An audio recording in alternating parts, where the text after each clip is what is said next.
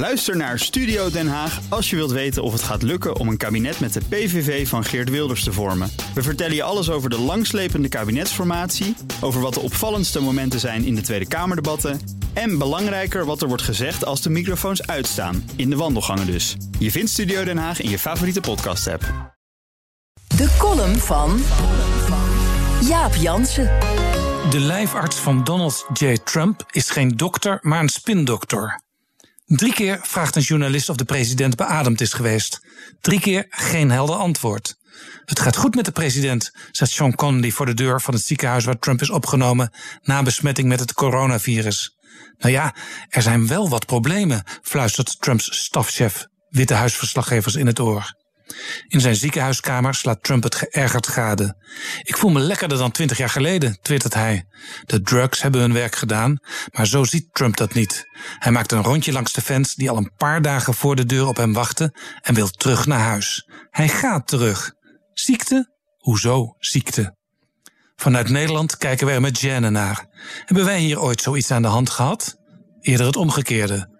Toen minister-president Jan-Peter Balkenende wekenlang was uitgeschakeld wegens een infectie aan de voet, klonk in de Haagse wandelgangen de suggestie dat hier sprake was van aanstelleritis. Geen zins. De infectie had fataal kunnen zijn. Het was kantje boord, leek later. Een ingebeelde zieke hebben we ook gehad. GroenLinks Tweede Kamerlid Tara Singh Pharma werd door haar fractieleider Femke Halsema in een rolstoel naar de grote vergaderzaal gereden. Ze had een ongeneeslijke vorm van kanker, zei ze. Toen bleek dat dit niet klopte, verdween ze uit de politiek. In de oude Sovjet-Unie ging dat heel anders. Een bibberende Brezhnev die de 1 mei-parade inspecteert. Opvolger Tchernenko, voor wie naast zijn ziekbed een stemlokaal werd ingericht, zodat op tv niemand iets zou opvallen.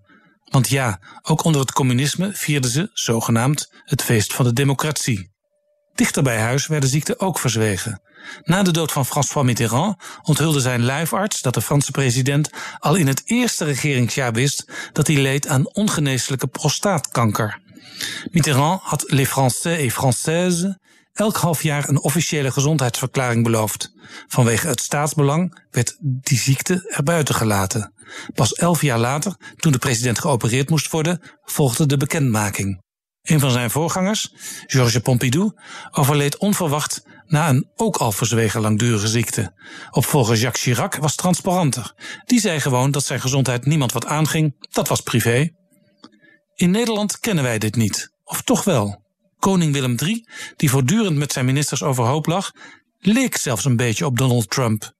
Hij was egoïstisch en driftig en werd niet voor niks koning Gorilla genoemd. De minister van Oorlog schreef in zijn dagboek: De prikkelbaarheid van zijn oplopend karakter en zijn autocratische neigingen schijnen met de jaren toe te nemen.